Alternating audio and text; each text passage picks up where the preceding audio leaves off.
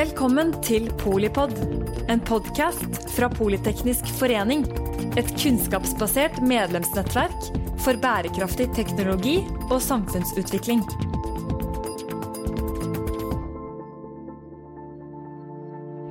Velkommen til full sirkel av Polipod. Dette er podkastserien som gir overblikk, diskusjon og dypdykk i temaet innen sirkulærøkonomi for både mannen i gaten og den mer erfarne bransjeeksperten.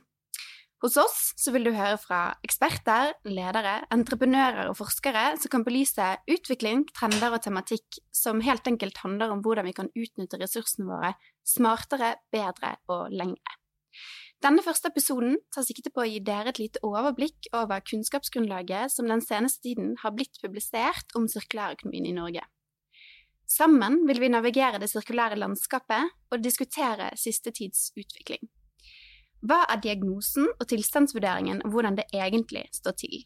Hvem mener hva, og hvilke virkemidler foreslås av fagmiljøer, akademia, næringslivsorganisasjoner, systemleverandører og ikke minst myndigheter? Hva skjer i EU, og hvorfor er dette viktig for Norge? Ok, folkens. Vi må faktisk begynne med en litt sånn virtuell runde rundt eh, bordet, eh, selv om dere som lytter forhåpentligvis kommer til å bli bedre kjent med oss eh, gjennom episodene som kommer. Og du, Thomas, hyppig bruker av emneknaggen 'Det finnes ikke søppel mer', innovasjonsdirektør og tidligere bloggforfatter. Hvem er du for de som ikke kjenner til deg? Ja, For det første, altså, bloggkarrieren den la jeg på hylla i fjor. Eh, og det, det, henger litt sammen med historien her. For etter et tiår innen finans og eiendom så startet jeg Norsk Gjenvinning i 2013. Og det var fordi bransjen og selskapet appellerte. Eh, men det var først etter at jeg startet at jeg forsto hvilket eh, enormt mulighetspotensial som lå foran selskapet og bransjen. da. Men, men, det manglet litt, var liksom de rette samarbeidsaktørene, de industrielle store selskapene. Og det var en av grunnene til at jeg begynte å, begynte å blogge, faktisk. Eh, nå, sju år senere, eh, så vil jeg si at vi rir en megatrend. Eh, og at vi posisjonerte oss eh, ganske godt. Vi ruller ut sirkulære løsninger på, på løpende bånd, eh, nærmest. Og, og, min rolle oppi dette hele, det er å utfordre. Både internt og eksternt. Utfordre det etablerte. Mm. Eh, for når vi sier at det finnes ikke søppel mer, så er det fordi at alt har en verdi. Uh, han som sier det best, det er fabrikksjefen vår her oppe på vårt enorme gjenvinningsanlegg i Oslo, Adis. Han sier 'velkommen til Draumefabrikken'. Her lager vi verdier av det verdilause, sier han. Herlig kar. Så det er mitt utgangspunkt. da. Uh, på veien så er jeg industriell, og jeg er kommersiell. Jeg er kanskje litt lite politisk korrekt, Eh, og har begrenset tålmodighet med bærekraftsvada og tomme ord. som dessverre til tider preger eh, debatten om sirkulærøkonomi. Så der har du meg, Ida. Det høres ut som vi passer ganske bra sammen. Jeg tror det. Jeg tror det. Jeg er jo litt lei meg for at du la ned bloggen, eh, Thomas, men nå får vi jo høre deg i podkastformat, så det er jo vi veldig glad for. Så en liten Segway over til deg, Brita. Eh, for når du ikke er å finne på toppen av et fjell med, med, splitboard, som du jo elsker å holde på med, så har jo du også en eh, viss forkjærlighet for å grille oljetopper i klimadebatt. Hvordan har din reise inn i sirkulærøkonomien vært for de som ikke kjenner deg? Ja, jeg ramla vel mer eller mindre inn i sirkulærøkonomien, eller i hvert fall visjonen om den. Eh, når jeg var leder for eh, CSR i det som, eh, det som da het CSR, det er jo ofte nå bærekraftsstillinger i ulike slag, og direktører, vi vet ikke hva. Men jeg jobba da i Staples, som er et, et var et ledende selskap på kontorrekvisita og egentlig alt du trenger av halvvaskmaskiner og papir til mm. Eh, offentlig og privat sektor. Så der møtte jeg jo masse eh, fine ambisjoner om hvordan vi kunne levere et miljøvennlig og et bærekraftig forbruk. Og så dette også i liksom krav til materialer i tilbudene våre. Og, og skuffelsen ble vel stor da når jeg forsto hvor lite av de materialene som faktisk fikk gå i loop, og hvor enorme mengder som faktisk uh, gikk rett til forbrenning, eller som bare aldri fikk et nytt uh, liv, eller som bidro til å fortsette å forurense den verdenen vi forsøker å leve i og av. Så um, jeg har noen skrekkeksempler fra den tida, fra både Sykehusinnkjøp og Forsvaret. Men jeg har også noen kule eksempler fra TerraCycle og mange innovasjonskrefter som, som, fant sted. Mm. Men livet gikk videre til uh, en lignende stilling i Brio. Uh, en leketøysprodusent som uh, vi alle elsker. Og, og, fortsatt et sånn material- og ressursfokus, da til å nå de siste åtte årene ha jobbet mer som rådgiver og sett på analyser og rapporter, og, og, jeg elsker å nerde ned i strategiene til andre og mene og tulle og tøyse litt uh, om det. Uh, men, men ja, liker også å se hva, hva, er det forskningen sier, og hva er det som faktisk hjelper, og hva er det som drar oss i den retningen vi, vi må. Og nå er du i nord. Nå er jeg i nord, koser meg fryktelig. Um, driver hele tiden og undervurderer hvor langt unna det er Oslo. Ok, Camilla, eh, Camilla ja. Ramstad, din, eh, okay, din, CV er ganske lang. Eh, når jeg kom til fire styreverv på LinkedIn, så måtte jeg trykke på 'show more experiences' og scrolle enda litt ned. Fra trainee på ambassaden i Brasil til bærekraftsansvarlig virke nå gjennom syv år. Hvordan føles det nå for deg å bytte beite over til å jobbe med sirkulær økonomi i praksis? Ja, nå 1.1 skal jeg bli bærekraftsjef i Elkjøp Nordic.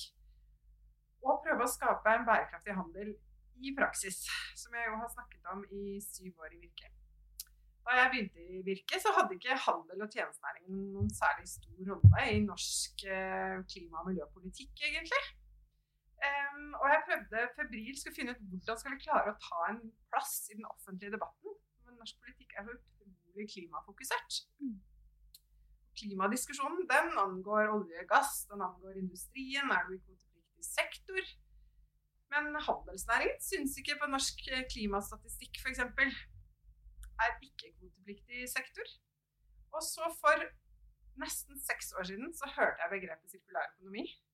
Og skjønte konseptet og tenkte bare ja, der har vi det. Det kommer til å treffe alle som lever av å selge varer og produkter og de kommer til å måtte begynne å selge mer tjenester. Mer eh, reparasjonstjenester, mer eh, gjenbruk av varer, resirkulering. Alt det som hele dette begrepet sirkulær økonomi handler om.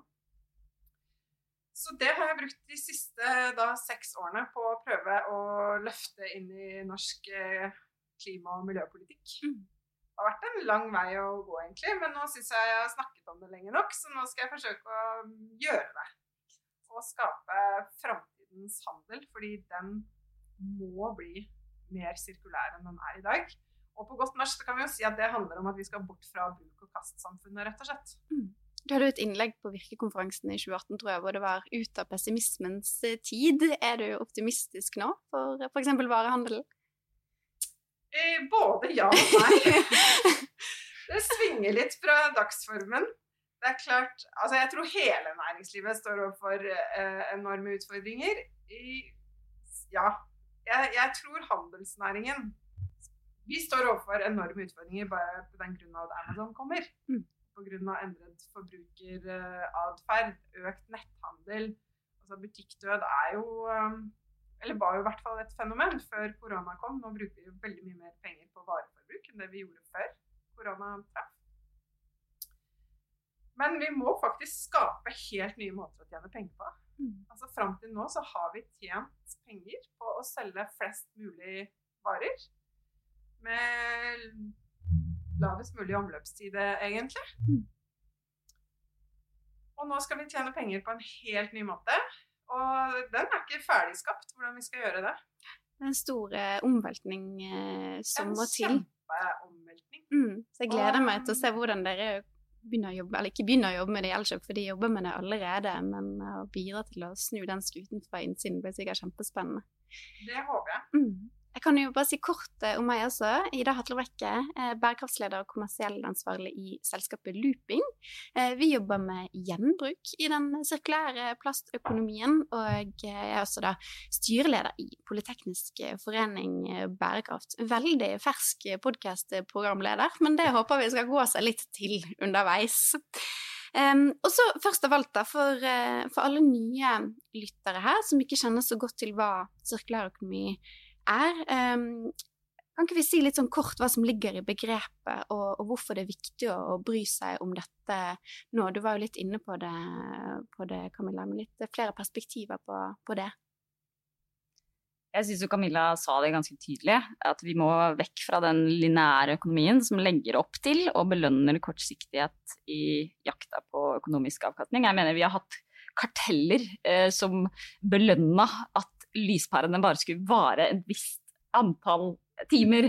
Og hvis noen gjorde en lyspære som var bedre enn det, så fikk de bot. Eh, det var ulovlig. Så det er jo liksom Vi har jo lagt opp til Hele økonomien vår er liksom bygd både eh, gjennom liksom innovasjonen i den og, og, rammene rundt den på at vi skulle ha denne, denne dette forbruket, da.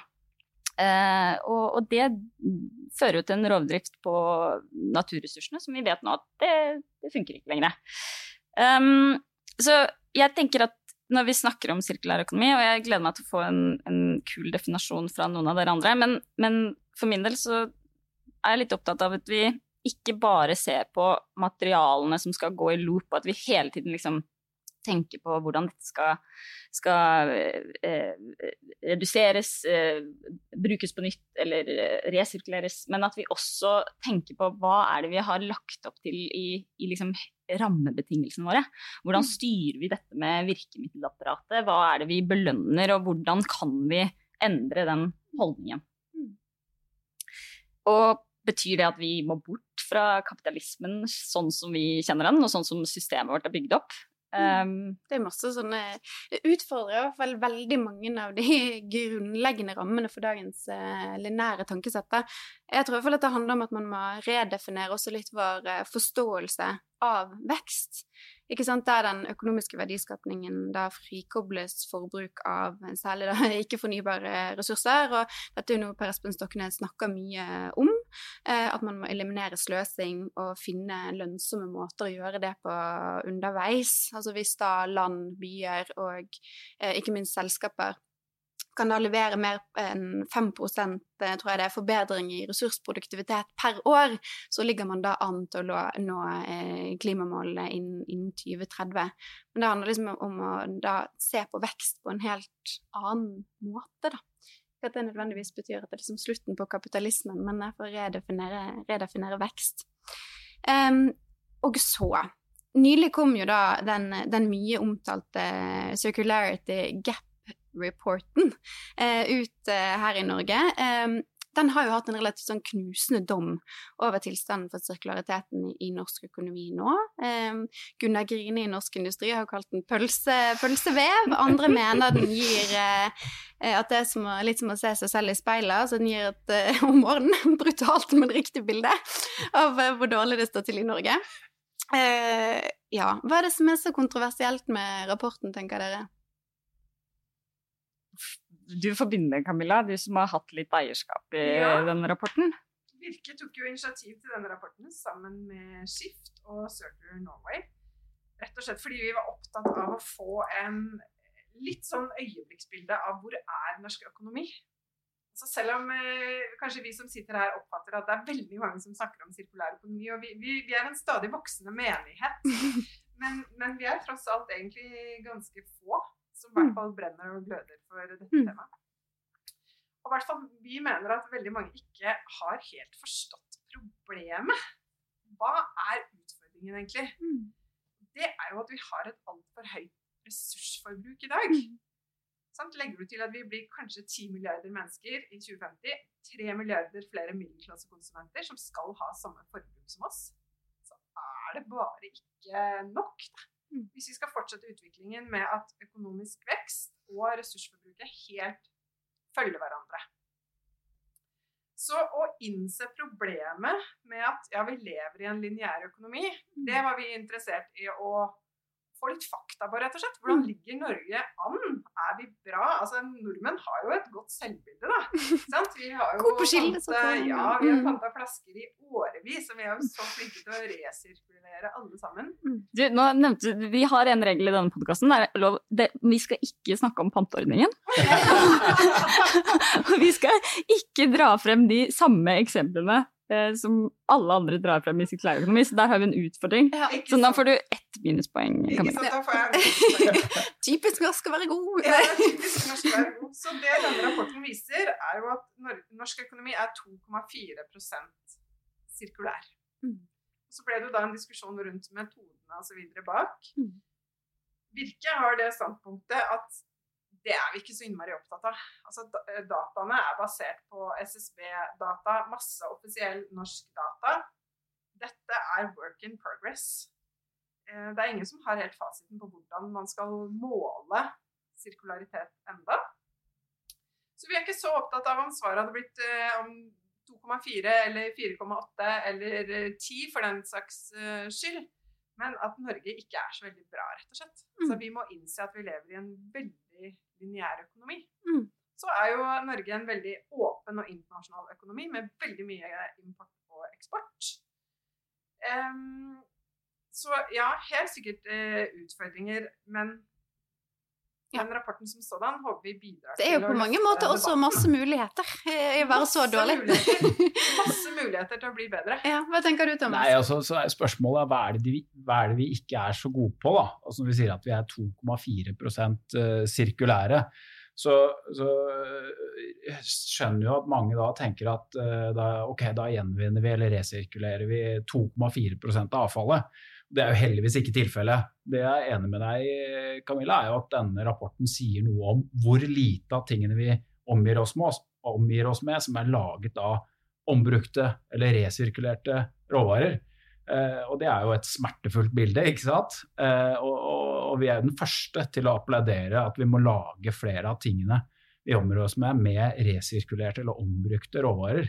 Men det den rapporten ikke sier noe om, det er gjenvinningsgraden i Norge. For den er ikke 2,4% Den er et sted mellom 30 og 40% I norsk gjenvinning så, så håndterer vi 25% av alt eh, næringsavfall i Norge. Og 56% blir til nye materialer. Og Det er det jeg reagerer mest med ved den rapporten, der, at eh, det etterlatte inntrykket blir så feil. Og da, da, da har vi egentlig feil faktagrunnlag, hvis det er det man forsøkte å oppnå. da, og diskutere ut ifra. Eh, Så det er kanskje min hovedkritikk. Da. Altså, jeg er ikke så veldig opptatt av, av, holdt jeg på å si, eh, metodikk og, og hele den greia der. Fordi, fordi For meg så skapes sirkulære løsninger i ganske liten grad fra skrivepulten, og i mye større grad ute på byggeplassen med prosessindustrien. eh, og i samarbeid med om det er logistikkaktører eller teknologiutviklere. Da. Så misforstå meg rett. altså eh, rammebetingelser er viktig, og, og, det er ikke sånn at alt foregår i praksis, men, eh, men jeg tenker at eh, jeg er mest opptatt av å bruke mest tid på å utvikle løsninger, da. Det, det, altså, det her er så bra, fordi du belyser jo det som flere av kritikerne sa. Og, og den eh, kritikken Det ble jo masse tjohei. Eh, Det var jo eh, NHO og NITO trakk seg fra rapporten etter å ha finansiert den. Eh, sånt skjer jo liksom ikke så veldig ofte. Eh, det var masse diskusjoner, kjempegøy for oss som sitter og, og nerder litt på det her. Eh, men, og det som kanskje blir problemet med å, å ta et kjempestort, komplekst bilde og dra det ned til ett tall. Og det ser vi jo med alle typer indikatorer, det samme har vi på bærekraftsmålene, at det blir masse diskusjon rundt metode.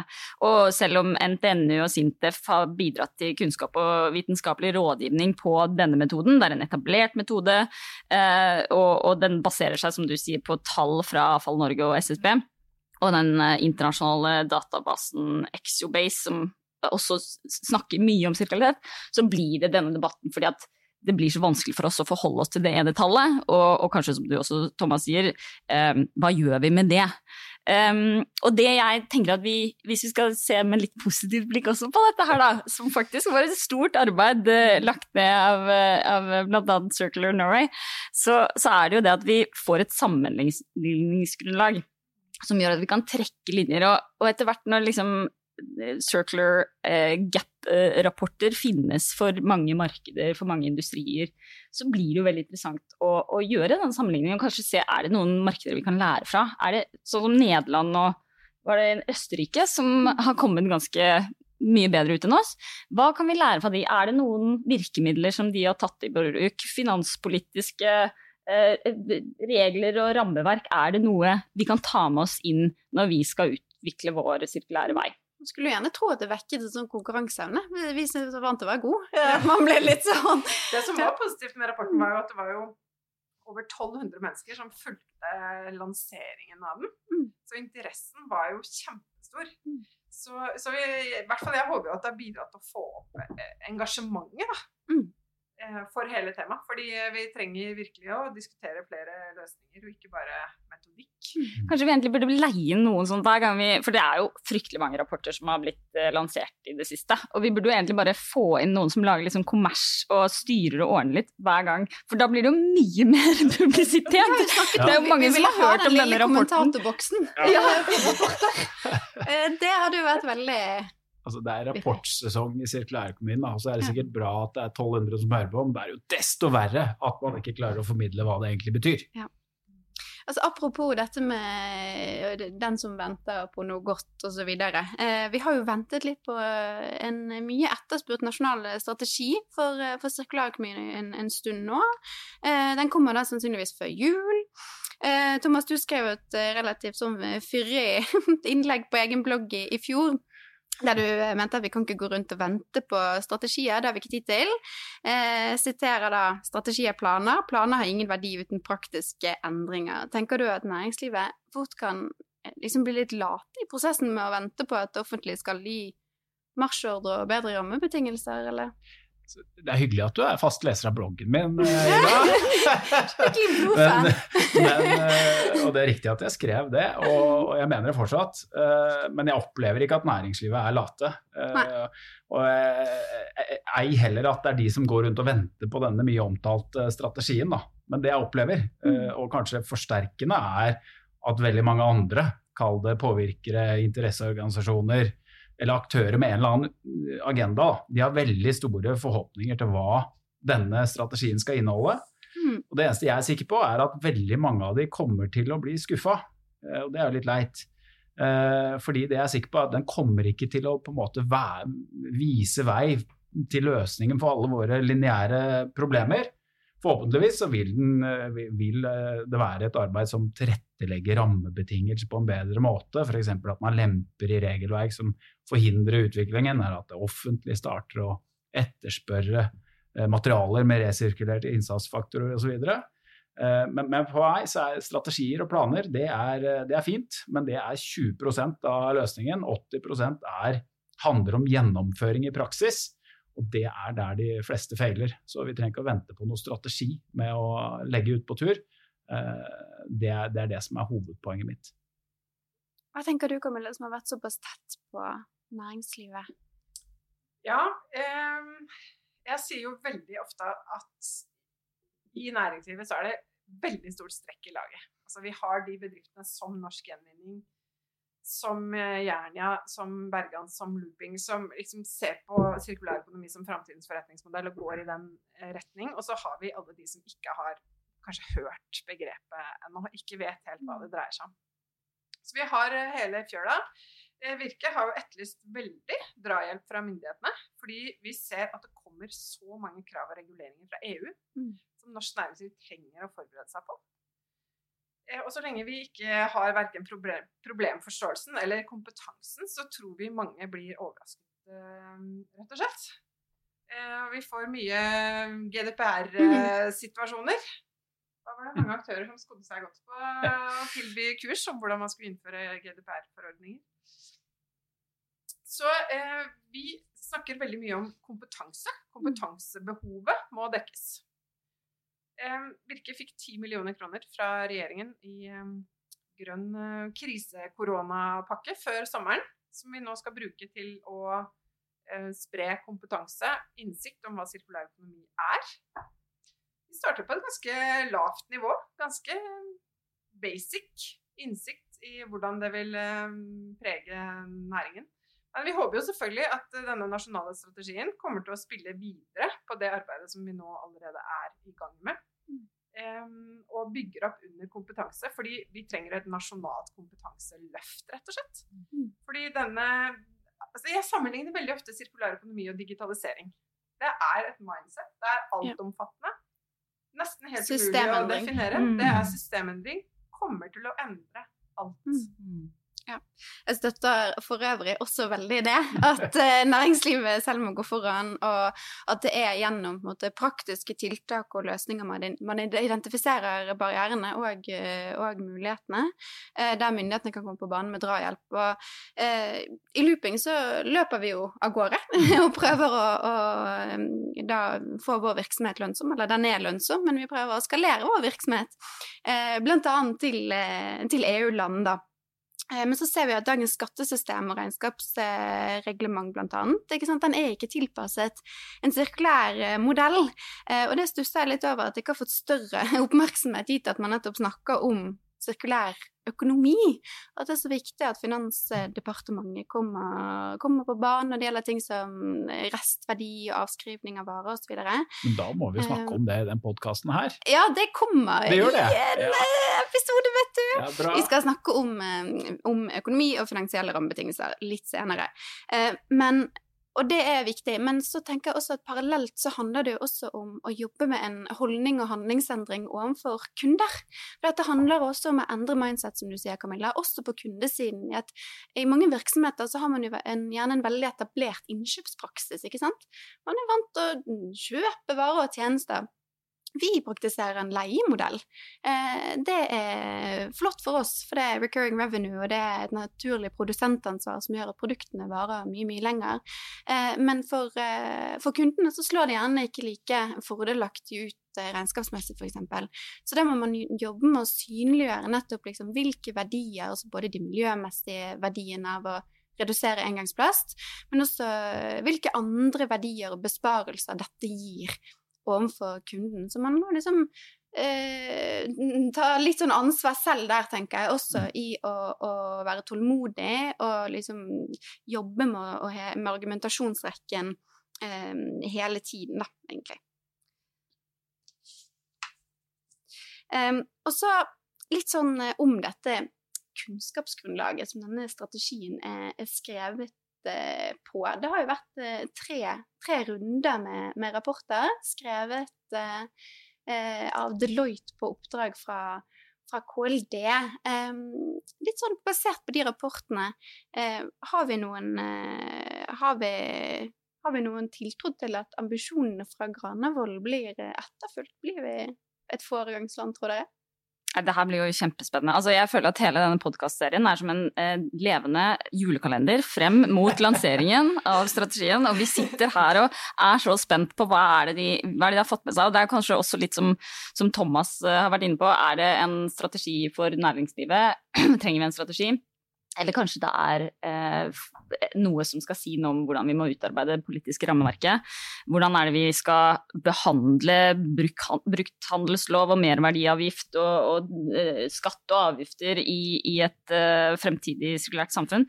Men, men ja, det har kommet eh, mye godt ut av kunnskapsgrunnlaget. Den, jeg syns Deloitte eh, la frem et, et spennende grunnlag som eh, pekte på at vi, vi trenger dette, og vi må begynne å se på eh, ressurseffektivitet, som inkluderer mål for alt av avfallsreduksjon, gjenbruk og materialgjenvinning, samt tydeligere rammevilkår for alle aktører.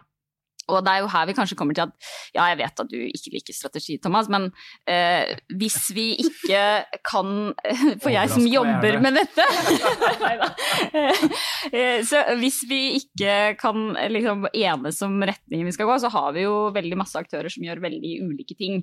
Eh, Og hvert, så kanskje dette er noe som egentlig er mer til for eh, det offentlige, og for at vi i det hele tatt skal vite hvor vi går, og at vi da kan få med oss eh, industrien og, og de aktørene som eh, Camilla nevner.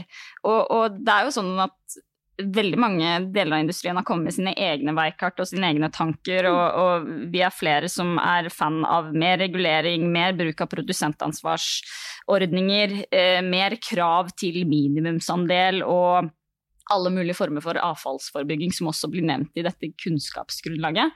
Men um, om vi ikke liksom tør å bruke virkemiddelapparatet og faktisk sette en standard, så tror jeg det kan gå veldig veldig sakte hvis vi fortsetter å forvente sånne frivillige veikart fra alle de ulike industriene. Uh, så vi må liksom komme dit at uh, vi setter noen krav. Uh, og hvis vi skal linke dette til Granavolden, så er det jo kjempespennende å se hvor god er den linken til klimamålene våre? Hvor Mm. god er den linken til industrimål, altså sirkulære mål i hver industri? Jeg Ja, tror på, eh, Camilla. denne nasjonale strategien, eller jeg håper at den bidrar til at vi snakker om sirkulær økonomi som næringsutvikling, som framtidens verdiskaping, som arbeidsplasser. Eh, og, og ikke som eh, bare avfallshåndtering, da, for å sette det litt på spissen. Eh, hvor kanskje, ja, igjen litt på spissen, av, ansvaret i norsk økonomi har vært plassert i avfallsseksjonen i Miljødirektoratet, for å være litt stygg. Vi trenger Næringsdepartementet på banen, vi trenger Finansdepartementet på banen, Arbeids- og sosialdepartementet på banen. Klima- og miljødepartementet er sikker på å gjøre så godt de kan. Hele laget. Men, Men vi trenger eh, hele Norge. Vi trenger at virkemiddelapparatet, både Forskningsrådet, Innovasjon Norge, at alt trekker i eh, samme retning. Da. Eh, og det håper jeg at denne nasjonale strategien kan, kan bidra til. For hvor mange politikere kjenner vi som snakker høyt og ofte om sirkulærøkonomi? Vi kjenner veldig mange som snakker om klima. Klima kan folk flest og politikere veldig mye mer om, rett og slett, eh, enn man kan om eh, sirkulærøkonomi. Så, så gjør det litt mer eh, til allemannseie. Vi trenger å få opp flere eh, diskusjoner. Torbjørn Røe Isaksen var veldig interessert når han var næringsminister. Ja, det, det er jo bra, ikke sant? fordi Mm. dette handler jo om næringspolitikk og Mm. norsk konkurransekraft. Det handler jo ikke om avfall og gjenvinning, selv om det er en Mm. viktig bit av det. Så, men også misforstå meg rett, jeg, eh, jeg håper jo at dere har mer rett enn meg, at det kommer noe ordentlig bra ut av denne strategien. Men det er litt altså, jeg har jo selv vært eh, medansvarlig i dette rapportjaget ved å skrive eh, veikart for sirkulærøkonomi for avfallsbransjen i 2016. Og En ting vi pekte på der, var tydelige, klare, ambisiøse mål fra det offentlige. Og det tror jeg er ekstremt viktig, sånn, sånn som du sier, Britta, at vi blir enige om hvor vi skal. Men liksom, hvis man begynner å Dere nevnte begge produsentansvar. altså Da begynner man allerede å dykke inn i løsningen. da. Og hvis, vi tenker, hvis det er flere enn meg som tenker at det finnes ikke søppel mer, fordi alt har en verdi. Ansvar, det var noe vi på en måte tenkte før fordi det var søppel som skulle fjernes og noen skulle ta ansvar for det. Jeg tror mye mer på det Ida snakket om. Uh, I looping så tar de et naturlig prosentansvar fordi den plasten har en verdi for de. Så vi er nødt til å omstille måten vi tenker på også uh, i forhold til virkemidlene. Da. Vi har hatt prosentansvar, det har sikkert funket fint. Uh, men jeg tror ikke nødvendigvis det er veien å gå fremover. Jeg stusset jo litt på en ting, og det er jo at disse, altså de tre rapportene snakker jo veldig om eh, bransjer med potensial for økt sirkularitet, har veldig sånn bransjefokus. Og i Norge så snakker man jo ofte om at vi er litt sånn gode eh, til å vinke til hverandre fra hver vår silo. At eh, vi er litt rigide, vi har en silotankegang. Um, og den er jo delt opp i bransjer og sektorer. Uh, mens jeg, mangler litt det at man ser hele bildet, da. Og snakker om hvordan ressurser og materialer strømmer gjennom hele økonomien. Og, og gjerne liksom tydeligere link til klima, som du snakker om, Britta. Og verdi, um, verdikjedetankegang, livssyklus. Um, og se de sammenhengene. For det er liksom ikke bare ok, nå tar vi den bransjen og virkemidler der, og den bransjen og sånn og sånn. Det handler også om bransjeoverskridende samarbeid og samspill. Uh, så det, det, håper jeg jo blir uh, reflektert. Det blir jo litt sånn spådom som, som, du sa, Brita, sånn julekalender frem til den endelig kommer, da. Så det blir jo spennende. Men det er noe som har kommet, som man på en måte ikke kommer helt utenom å snakke om, er jo da statsbudsjettet. For her svinger det veldig av ambisjonene, nemlig. I kommentaren til budsjettposten merket nemlig sirkulær økonomi, så står det jo at midlene skal skyte fart i omstillingen til en sirkulær økonomi Det skal bidra til en mer effektiv ressursutnyttelse, begrense negativ påvirkning på klima og miljø, skape flere arbeidsplasser og bedre lønnsomheten i næringslivet. Og det skal man gjøre for 40 millioner kroner. Og så til sammenligning så kostet da eh, stupetårnet på Hamar 23 millioner eh, kroner. Det var kanskje ikke så veldig mye Er det noen som noen reaksjoner på det? Men har du sett videoen til Ylvis om stupetårnet på Hamar? Jeg tror ikke det er veldig fint stupetårn. Ja, det er fantastisk. Kanskje det er et sirkulært stupetårn. Få, få mer ut av ressurser, da. Så det er kanskje det de har tenkt. Men det er klart vi skulle gjerne ønsket oss uh, veldig mye mer. Det er litt, uh, det er litt smått enda, men uh, kanskje med, med, strategien at det kommer mer. vi begynner å nærme oss slutten, men ved det siste spørsmålet ønsker jeg bare å zoome litt ut. for sirkulærøkonomi er jo egentlig ikke kjempenytt, altså sett i internasjonal sammenheng. Flere EU-land, bl.a. Sverige og, og, Nederland, har jobbet målrettet med det i mange mange år. Um, og nå blir jo en av bærebjelkene i uh, EU Green Deal, uh, som ser uh, igjen liksom, klima- og ressursforvaltning i veldig tett, tett sammenheng. noen avsluttende refleksjoner på, på, hvor viktig det er for Norge å faktisk ta en posisjon her? Ja, altså, det er jo eh, viktig. Altså, det er jo helt avgjørende for norsk konkurransekraft og for det enkelte selskap. Uh, på mange måter så er det litt sånn license to play.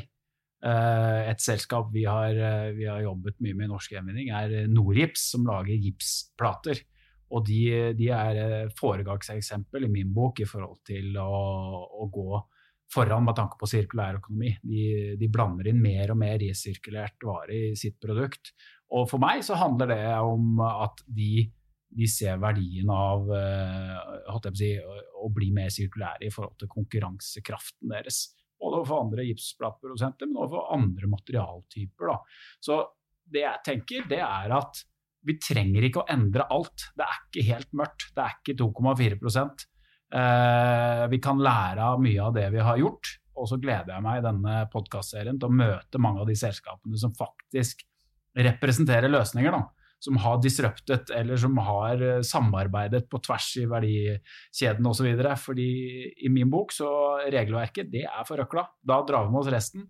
Men de som det er spennende å jobbe med for å bygge konkurransekraft, det er de som går eh, foran. da. Og de, de skal vi møte i den serien her, sånn, og det blir jo kanonkult.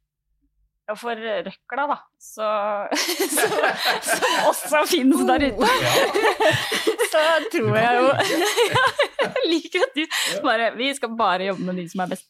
Nei, men det, det som jeg liker med Green Deal, og som jeg tenker at eh, Eh, vi sakte, men sikkert endelig beveger oss til at både ambisjonene våre, lovene og reglene som røkla forholder seg til, og eh, det som er eh, scientific evidence, altså forskning eh, sier at dette er det vi må gjøre for å kunne forvalte ressursene våre på beste måte, det begynner nå endelig å forenes. Sånn. I EU så er jo Green Deal linka til klimalovgivning, linka til nye lover og direktiver, og linka til EU-taksonomien, som kommer til å belønne de som eh, jobber eh, bærekraftig og sirkulært og, og klimavennlig. Så, og det ser vi jo endelig i Norge òg, at nå blir det jo ikke bare sånn eh, alle kan gjøre litt som de vil og uh, ellers være snill og grei. At vi får et engangsdirektiv. Vi får forhåpentligvis uh, lovgivning som sier at det er noen ting vi faktisk skal sortere av søppel, og at ikke den lovgivningen fortsatt ligger på bordet i et eller annet uh, lovgivende organ. Så at vi faktisk kan komme dit at vi slutter å snakke og begynner å gjøre, da. Og at lovene også gir oss myndighet til å slå ned på det som vi ikke skal ha med oss videre. Det handler om å være eh, proaktiv og ikke reaktiv. Det er ofte mye vondere og mye dyrere å mm. være reaktiv. Og noe som vi snakket om eh, litt før vi begynte innspillingen, var jo også at det handler om at kapitalen flytter seg i den retningen. Mm. I hvert fall eh, hvis vi skal se på aktører som f.eks. dere sier, Thomas. ikke sant? Sum Equity som forvalter 15 milliarder og har vel en årlig avkastning på 20 eller noe sånt. Og det er da primært eh, selskaper eh, innen bærekraft. ikke sant? Og det er jo trenden nå over hele linjen i, i mm. kapital- og, og finansmarkedene. Ja, absolutt. Og Summa var jo veldig tidlig ute med å etablere et, eh, et aktivt eierfond som kun skulle fokusere på selskaper som var foregangsselskaper innenfor bærekraftstemaer. har valgt seg ut noen få områder hvor eh, materialeffektivitet, ressurseffektivitet er på en måte den kategorien norsk gjenvinning faller innenfor. da. Men men hvorfor gjør man det, da? Altså, er det for å redde verden? Eh, sikkert, sikkert, et stort ønske om å være med og gjøre det også, men eh, her er jo store problemer som skal løses. Så er det jo en del av løsningen, så vil det også være der eh, store lønnsomhetsdragere eh, kan, eh, kan, være. ikke sant? Så det, det er vel så mye det. Så tror jeg også at finanssektoren, som har blitt ganske gode på å vurdere klimarisiko, det har blitt et ganske innarbeida begrep, så tror jeg vi kommer til å begynne å snakke om lineær risiko. Altså det å mm. ikke omstille seg til en sirkulær økonomi. Mm. Både fysisk risiko for rett og slett mangel på råvarer, eller økte råvarepriser, eller overgangsrisiko ved nye reguleringer. Mm. Så lineær risiko tror jeg kommer til å bli et mye mer og dette her så skal vi, vi skal snakke mer om dette utover eh, høsten og vinteren, eh, folkens. Men dette så tror jeg vi, vi runder av dagens første og innledende episode av Full sirkel-serien. Dere vil da altså få flere episoder utover som belyser sirkulærøkonomien fra ulike innfallsvinkler. Dere har i dag hørt på Camilla Gramstad, Thomas Mørk og Brita Ståhl, og meg da, Ida Hatlebrekke. Så nå er det bare å henge på og følge med på øvrige episoder uh, utover høsten. Husk å følge Politeknisk forening for innsikt og inspirasjon om bærekraftig teknologi og samfunnsutvikling. Ha det bra! Takk for at du lyttet til Polipod fra Politeknisk forening. Få med deg flere episoder, eller bli med på nettverksmøtene som du finner på at polyteknisk.